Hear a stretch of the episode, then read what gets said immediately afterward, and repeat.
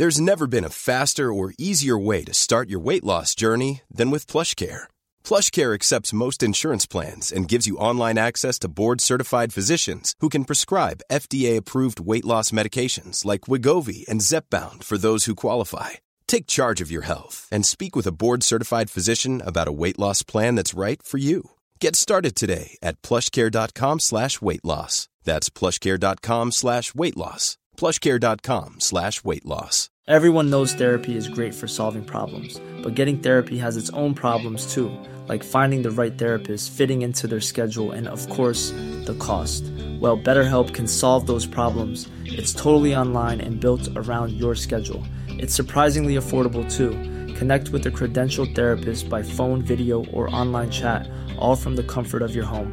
Visit betterhelp.com to learn more and save 10% on your first month. That's BetterHelp, H E L P.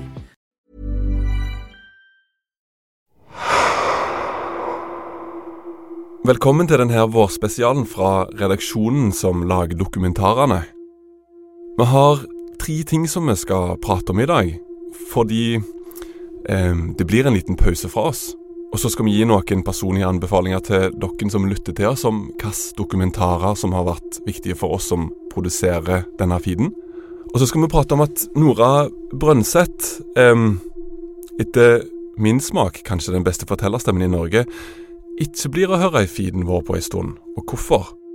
Um, men først av alt så vil jeg introdusere dokumentarprodusentene bak podkasten.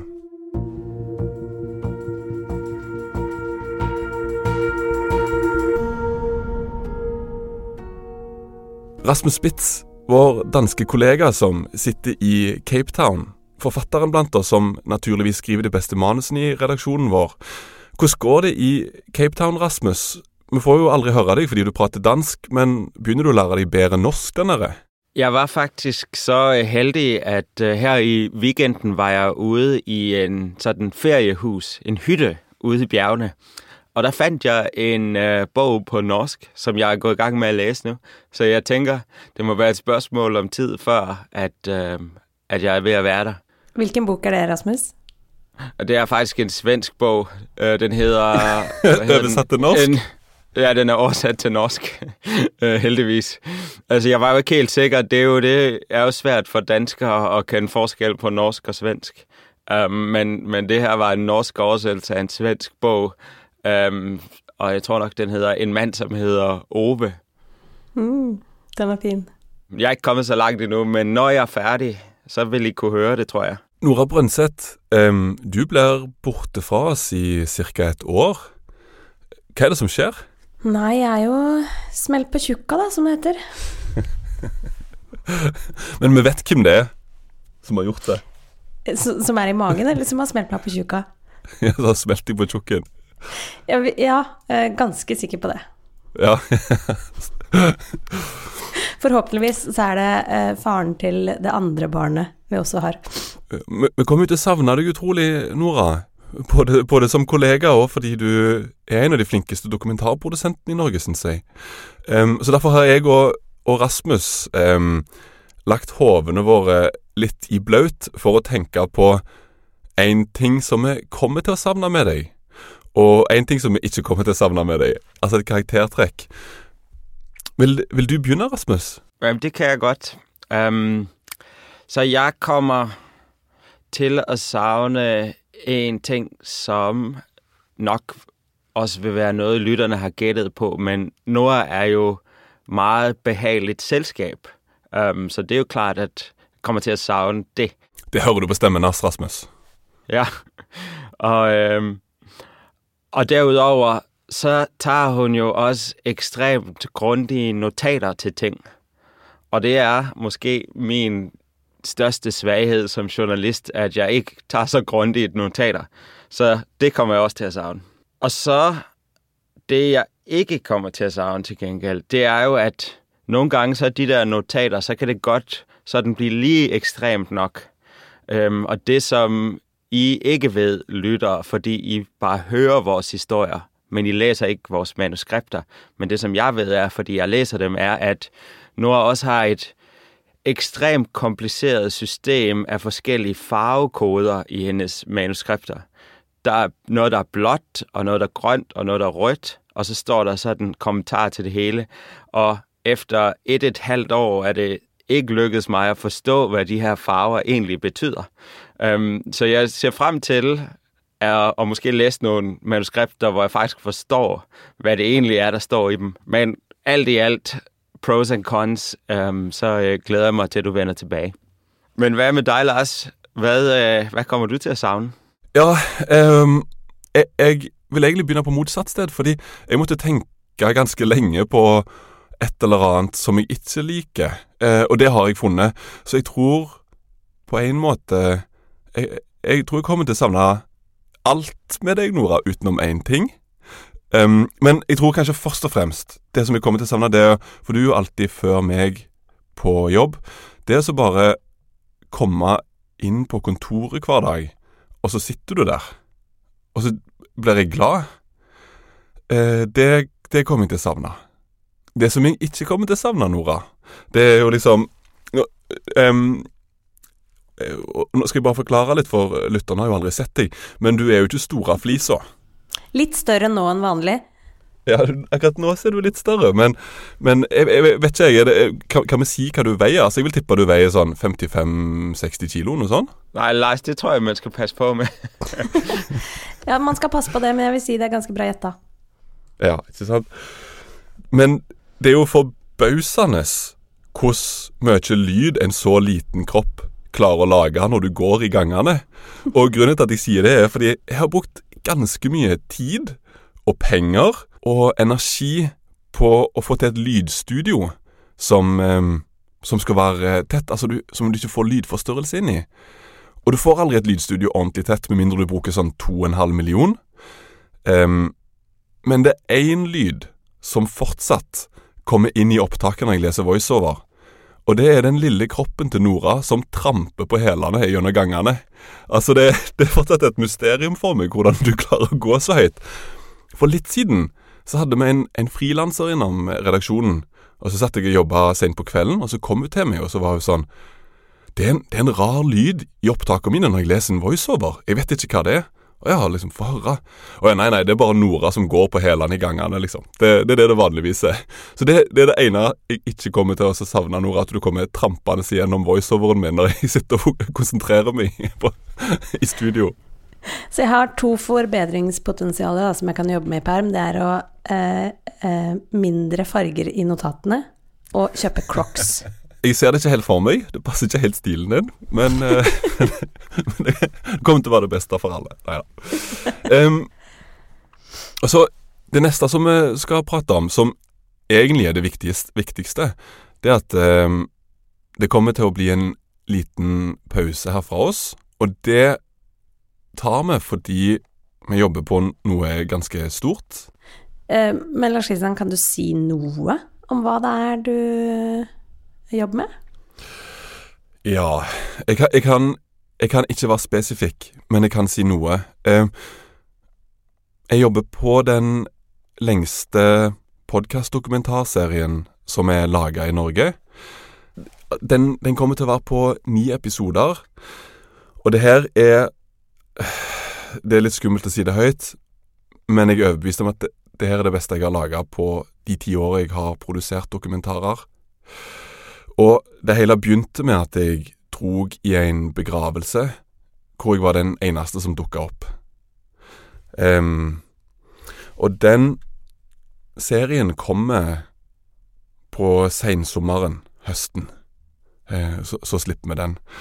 Um, og i, mellom, i mellomtida, på grunn av det, på grunn av at det prosjektet krever veldig mye, så er vi nødt til å ta en liten pause i feeden.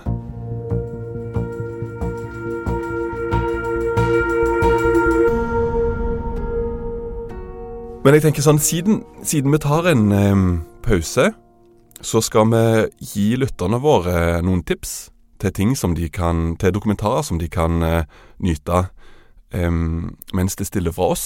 Derfor har jeg bedt alle sammen om å tenke på en dokumentar. Det kan være podkast, det kan være film, det kan være en dokumentarisk bok som har endra dere som dokumentarprodusenter. Rasmus, kan du begynne? Ja, det kan jeg godt. Jeg har valgt en bog Um, en bog, som heter The Lost City of Sea, um, eller Set, um, som uh, er en bog af en amerikansk journalist, som hedder David Gran. Og det er en bog, som egentlig er en slags undersøgelse af forsvindingen af den britiske øh, opdagelsesrejsende Percy Fawcett i Amazonas-jungelen i øhm, 1920'erne. Men grunden til, at jeg har valgt den øh, bog, det er fordi, at altså, jeg vil ikke sige, at den måske har ændret mit liv, men da jeg læste den, så kom den, så faldt det sammen med, at min liv faktisk blev ændret øhm, på grund af en historie, som jeg lavede. Um, og det er fordi, at bogen her, den handler om øh, en mand, som leder efter en anden mand, som er forsvundet ind i Amazonas junglen øh, i et forsøg på at finde The Lost City of Sea, altså den her by af guld, som conquistadorerne for flere hundrede år siden skrev om skulle eksistere derinde.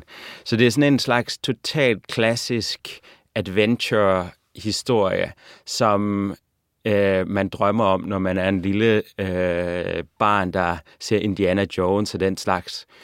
Men forskellen er, at det her er en virkelig historie. Og det, som bogen blandt andet handler om, er, at øh, der er ifølge øh, nogle estimater op til 100 personer, som er forsvundet inde i junglen i forsøget på at finde øh, Percy Fawcett, som var den første, der forsvandt, dengang han forsøgte at finne byen, som er forsvundet.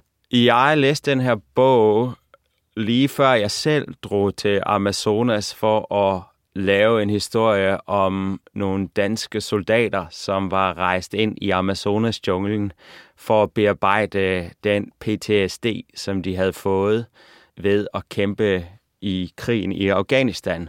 Det skulle de gøre med plantemedicin, ayahuasca, den her slags ting. Men det var på en måde min egen øh, version af at rejse ind i Amazonas og, øh, og lede efter nogen eller noget, som var forsvundet. Og det, som skete for mig, uden at gå ind i detaljer i hele historien, det bliver alt for langt. Men jeg kom ud fra den periode med, et andet, med en anden opfattelse af virkeligheden. Um, min verden blev simpelthen større der. Uh, der var nogle ting, som jeg ikke troede kunne eksistere, før jeg tog afsted, som efter da er overbevist om, kan eksistere. Og på en måde var det sådan lidt en øjenåbner eller en idé om, at når man kigger efter det og er villig til at drage ud efter det, så kan man faktisk finde historier i verden, som er lige så fantastiske som Indiana Jones. Typisk så vil uh, skurken i, og helten i historien være lidt anderledes. Altså, det vil være mere kompliceret. Man vil som regel ikke finde, at det er den hvide europæiske mand, der kommer ned til junglen og redder øh, situationen. Snarere er det typisk den omvendte historie. Men verden er fyldt med historier, som er vildere og mere fantastiske, end du kan forestille dig. Kan du bare repetere navnet til boka og forfatteren, Rasmus? Ja, den er skrevet af David Gran, og, øh, og hedder The Lost City of Z.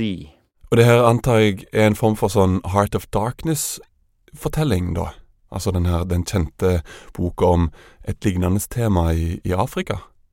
Ja, ja. Det er jo, altså, det er jo en af, nærmest en urfortælling, kan man sige, at man, man som øh, drager ind i junglen øh, for at lede efter et eller andet, og det man så finder, det er ens egne dæmoner. Um, det er jo, det er jo oprindeligt Heart of Darkness. Det er også blevet filmatiseret i Apocalypse Now, og der er versjoner av det alle mulige andre steder. Og jeg tror kanskje der så skal vi bare forklare lytterne hva en eh, urfortelling eller en urmyte er. Og det er jo det som Altså i det håndverket som er fortellerkunsten, så er det noen historier som ligger under de andre og på en måte blir repetert på nye måter. Altså Det beste eksempelet på det, hvis en ønsker å studere urmyter, er jo å studere de greske mytene. Eh, som inneholder eh, en rekke av de elementene som, som er i de fortellingene som vi forteller i dag. men det høres ut for meg da, Rasmus, som du på en måte har dratt inn i jungelen og drukket av eliksiren til en av urmytene. ja, ja, sånn er det jo. Ja, men er det, er det mulig for, for deg å forklare oss hvordan det endra deg på en måte som kommer til uttrykk i historiene som du lager her hos oss? Det er måske dessverre å si helt konkret hvordan det kommer til uttrykk i historiene, men den tur inn i, inn i jungelen um, ændrede Den utvidet mitt verdensbilde, så jeg fikk en bredere forståelse av hva virkeligheten er. At noen ganger så kan det godt være at bare fordi det ikke er noe som vi er vant til å se i Danmark eller i Skandinavien, så betyder det ikke at det ikke er virkelig. Mm. Og det kan også godt være at der er ting i virkeligheten som øh, man kun Som vi bare ikke har lært å forstå endnu. Men det er sånt jeg eh, leser manusene dine Rasmus. Eh, det som alltid er til stede i dine historier, er en dialog om hva handler dette djupest sett om, og et forsøk på å se noe nytt i, i historiene dine. Men, men Nora, hva, hva, tenker du når du, når du, når du hører det som Rasmus sier? Eh, at han har dratt inn i jungelen, drukket av eliksiren til en urmyte og, og kommet tilbake som en ny historieforteller og menneske? Jeg tenker at det gir jo veldig mening, eh, men jeg syns også det er morsomt å høre Rasmus fortelle om dette her, fordi eh, jeg, i motsetning til deg, Lars Kristian, kjenner jo bare Rasmus eh, via jobb og over eh, Slack. Vi har jo aldri møttes før, eh, selv om vi snakker sammen daglig. Eh, så jeg syns det er kjempegøy å se for meg Rasmus inne i jungelen. Eh, og tenke på at Rasmus er en eh, person, og har vært en person, utenom alle disse Slack-samtalene som vi har i forbindelse med jobb, da. Så det Ja, det gir meg et større bilde av både hvem Rasmus er, og hvem han har vært. Millions of people have lost weight with personalized plans from Noom, like Evan, who can't stand salads and still lost 50 pounds. Salads, generally, for most people, are the easy button, right? For me, that wasn't an option. I never really was a salad guy. That's just not who I am. But Noom worked for me. Get your personalized plan today at Noom.com. Real Noom user compensated to provide their story. In four weeks, the typical Noom user can expect to lose one to two pounds per week. Individual results may vary. Everyone knows therapy is great for solving problems, but getting therapy has its own problems too, like finding the right therapist, fitting into their schedule, and of course, the cost. Well, BetterHelp can solve those problems. It's totally online and built around your schedule. It's surprisingly affordable too. Connect with a credentialed therapist by phone, video, or online chat, all from the comfort of your home. Visit betterhelp.com to learn more and save 10% on your first month. That's BetterHelp H E L P. I'm Sandra, and I'm just the professional your small business was looking for. But you didn't hire me because you didn't use LinkedIn jobs. LinkedIn has professionals you can't find anywhere else, including those who aren't actively looking for a new job but might be open to the perfect role, like me. In a given month, over 70% of LinkedIn users don't visit other leading job sites. So if you're not looking on LinkedIn, you'll miss out on great candidates like Sandra. Start hiring professionals like a professional. Post your free job on linkedin.com/people today. Burrow is a furniture company known for timeless design and thoughtful construction and free shipping, and that extends to their outdoor collection. Their outdoor furniture is built to withstand the elements, featuring rust-proof stainless steel hardware, weather-ready teak, and quick-dry foam cushions. For Memorial Day, get 15% off your Burrow purchase at burrow.com slash ACAST and up to 25% off outdoor. That's up to 25% off outdoor furniture at burrow.com Hva med deg, Nora? Eh, Hvilken historie har du valgt som, som har endra deg eh, som produsent? Da må jeg vel eh, bare egentlig fortelle om hvilke historier som gjorde at jeg ble podkastprodusent. Og da er vi egentlig tilbake til studietida, hvor jeg skulle skrive bacheloroppgave. Jeg studerte journalistikk. Og det var vår, og jeg tenkte ok, hva kan man gjøre på våren? Hvordan kan man skrive en bacheloroppgave som gjør at våren blir diggest mulig? Jeg tenkte podkast. Man må skrive et eller annet om podkast, for da kan man bare ligge ute i gresset og høre på. Ligge under et tre og høre fuglene kvitre og høre podkast samtidig mens man skriver bacheloroppgave. Genialt. Og så um, uh, var jeg på den tiden også veldig uh, fan av uh, P3 Dokumentar. Altså den norske P3 Dokumentar, som ikke ja. lenger finnes. Det var en gang i tida hvor eh, man kunne høre radiodokumentarer laga av P3, som også til og med ble sendt på lufta. Søndag klokka ti. Men også som gikk på podkast. Og um, det var relativt nytt da jeg um, Eller hadde holdt på noen år da jeg skulle skrive bacheloroppgave. Så tenkte jeg sånn Det er spennende. Jeg må eh, skrive et eller annet om P3-dokumentar. Og så gjennomgikk jeg alle dokumentarene deres.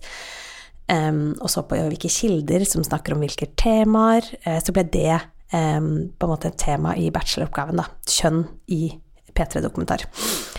Uh, og da hørte jeg jo fant fantastisk mye bra. og så er det noen eh, noen dokumentarer som er laga av en produsent som heter Anne Dorte Lunås. Hun jobber ikke lenger i NRK. Men det var nok hennes dokumentarer som satt sterkest i hos meg. Um, og jeg har sjekka, de finnes fortsatt, um, så de kan man høre der ute, selv om de er noen år gamle. Uh, og det er spesielt én som heter Hva er det med Selbu? Eller Selbu, ville de kanskje sagt på Selbu, eller i Selbu.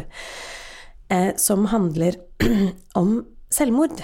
Men den er laga på sånn utrolig uh, fin og sår og nær måte. Og det er vel kanskje det som på en måte gjenspeiler de tingene jeg liker å høre på, men også som jeg syns er interessant i de tingene og de sakene og historiene som vi lager. Altså hva er effekten av det som skjer på folk? Hvordan har de det, hvordan opplever de det? Eh, heller enn bare liksom hendelsen og hva som skjer.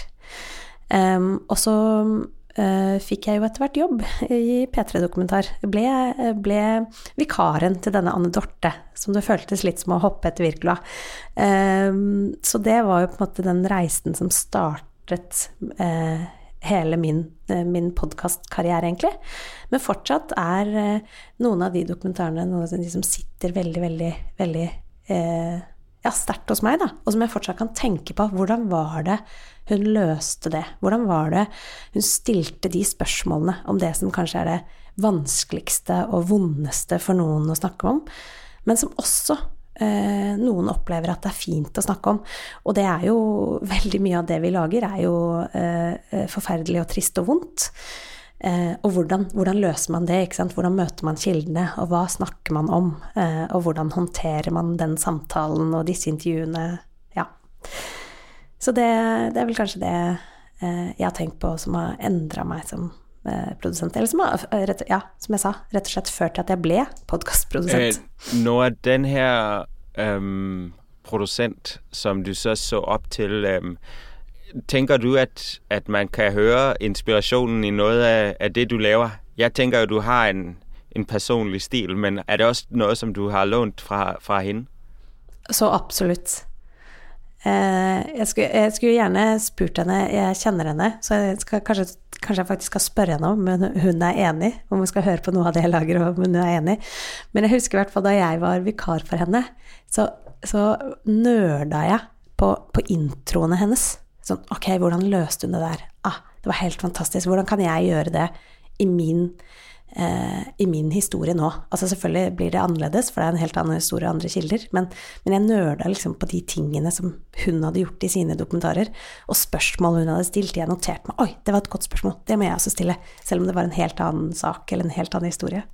Sånn som, sånn som jeg hører det du sier, Nora, så, så for meg høres det ut som at med å liksom virkelig gå de her dokumentarene sånn dypere i saumene, så har du fått et et rom inni deg som du kan dra til, og ha en dialog med deg sjøl om hvordan du skal lage ting. Stemmer det?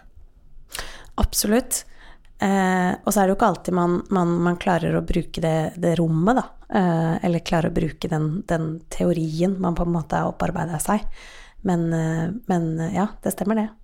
Men eh, hva med deg da, Lars Kristian? Du har jo vært i, i gamet, game noen år nå. Uh, hva, hva slags dokumentar eller dokumentarserie er det som har endra deg som person eller som produsent? en ting som står veldig tydelig framfor meg, er like etter jeg hadde begynt med det her. Um, så kom jeg hjem til Norge. Jeg begynte jo med det her i lag med Rasmus i, i Sør-Afrika for nå snart ti år siden.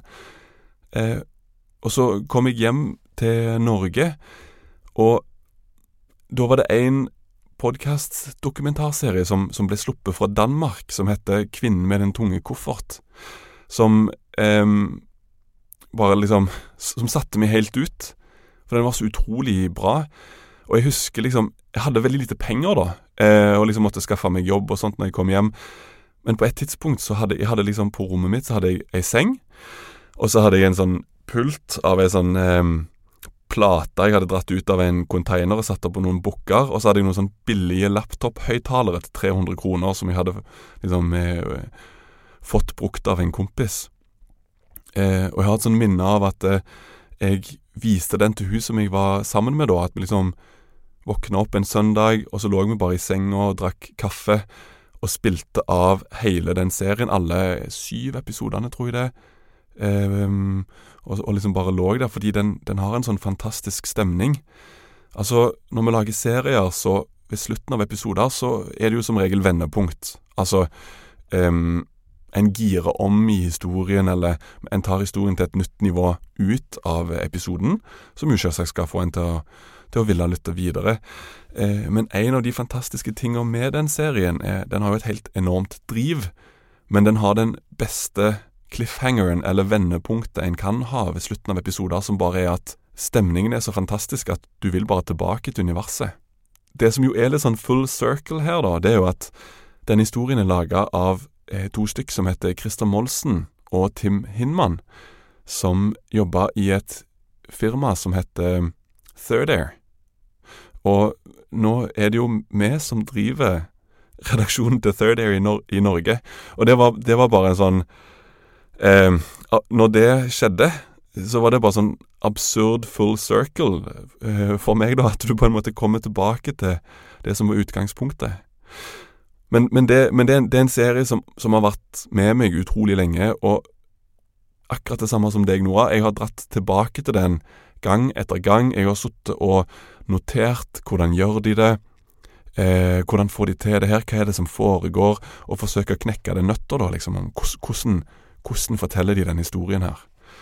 Um, og dersom lytterne våre ikke har hørt den, så eh, den på den sterkeste. Den, den finnes på, på Spotify.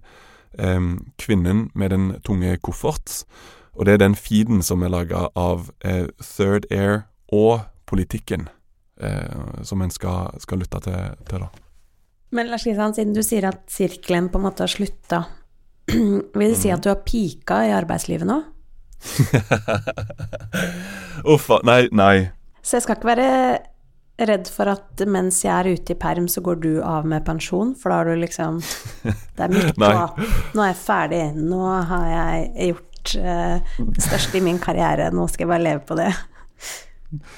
Ja, ikke sant. Um, Nei, men eh, der er det en annen ting som spiller inn, Nora. Etter hvert etter å ha holdt på med det her i et tiår. Så det her er det eneste jeg kan. Det er det eneste jeg duger til. Det, det, det eneste det eneste det er vits å betale meg for å gjøre. Så jeg tror, jeg, tror ikke, jeg tror ikke jeg kommer til å forsvinne med det første. Altså, hva skulle jeg gjøre da? Jeg vet ikke.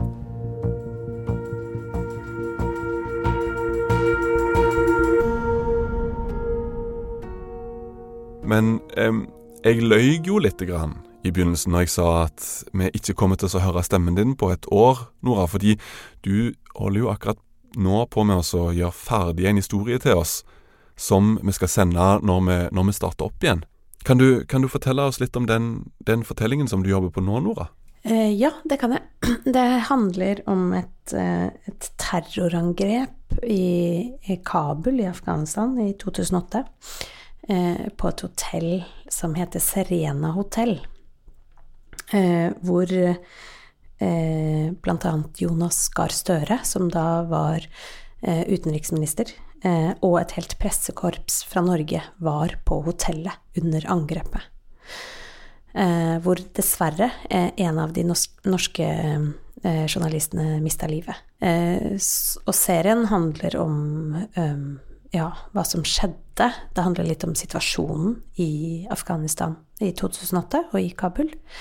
Eh, og det handler om hvordan, hvordan det var for de, eh, de andre journalistene som var til stede. Og ja.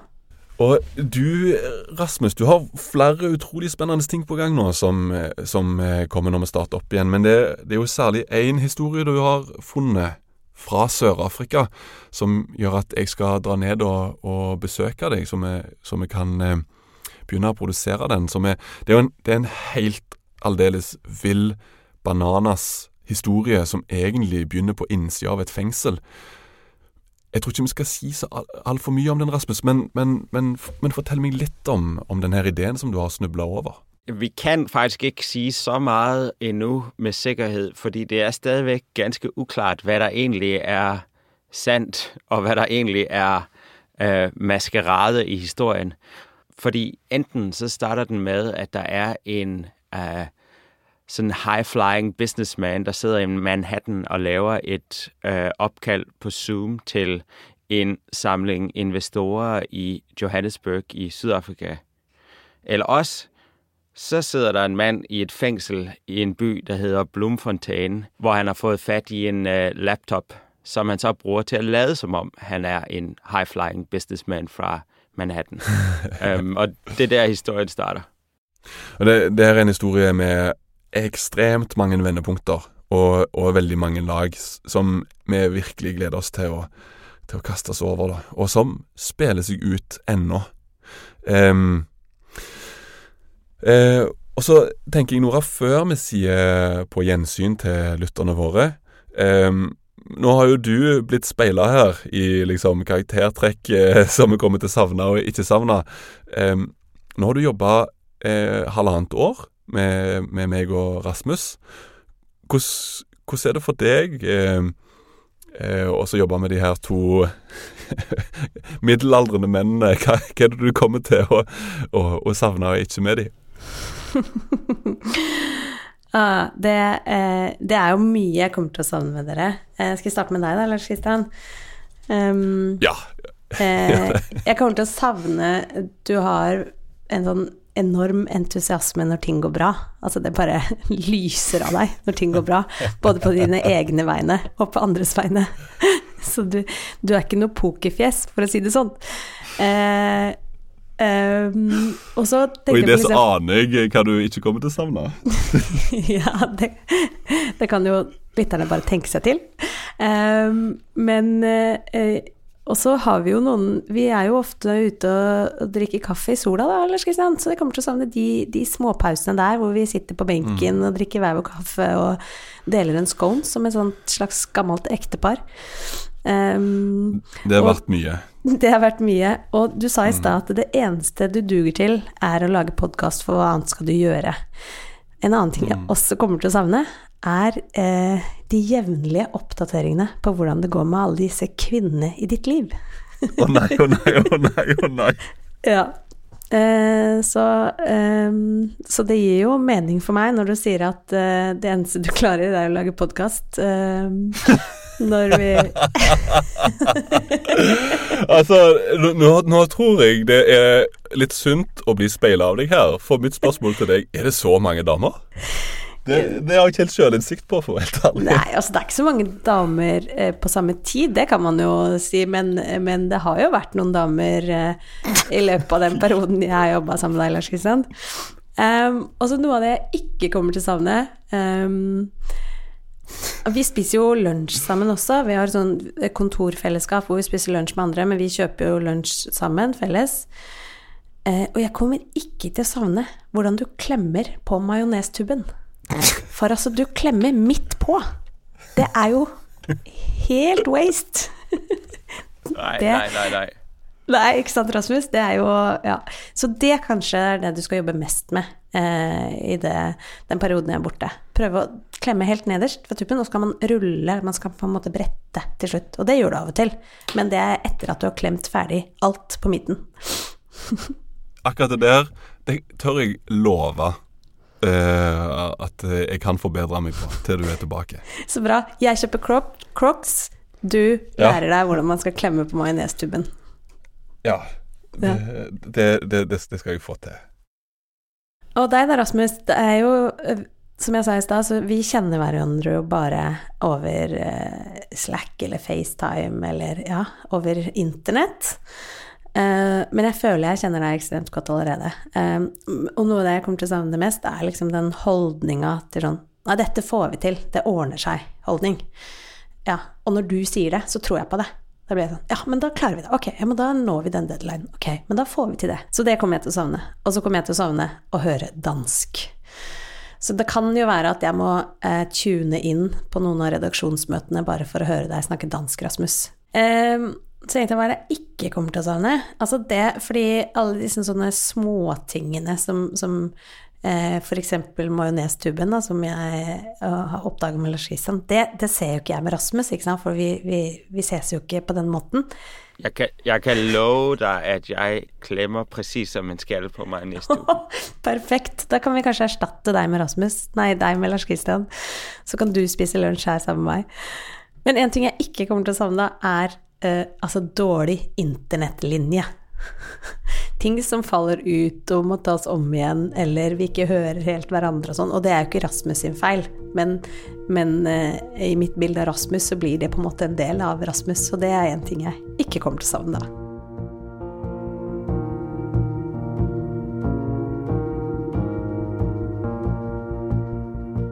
Da gjenstår det egentlig for meg å bare si hvis du trykker på 'følg oss' i appen hvor du lytter nå, så får du automatisk opp neste episode når vi slipper den når vi er tilbake. Og det er uh, altså på sensommeren uh, rundt august. Tusen, tusen hjertelig takk uh, for følget til, til lytterne våre.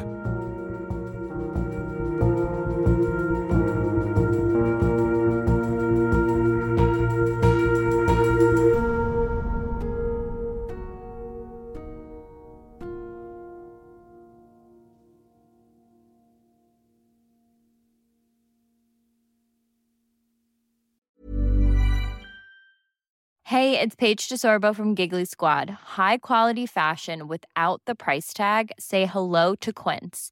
I'm snagging high-end essentials like cozy cashmere sweaters, sleek leather jackets, fine jewelry, and so much more. With Quince being 50 to 80% less than similar brands.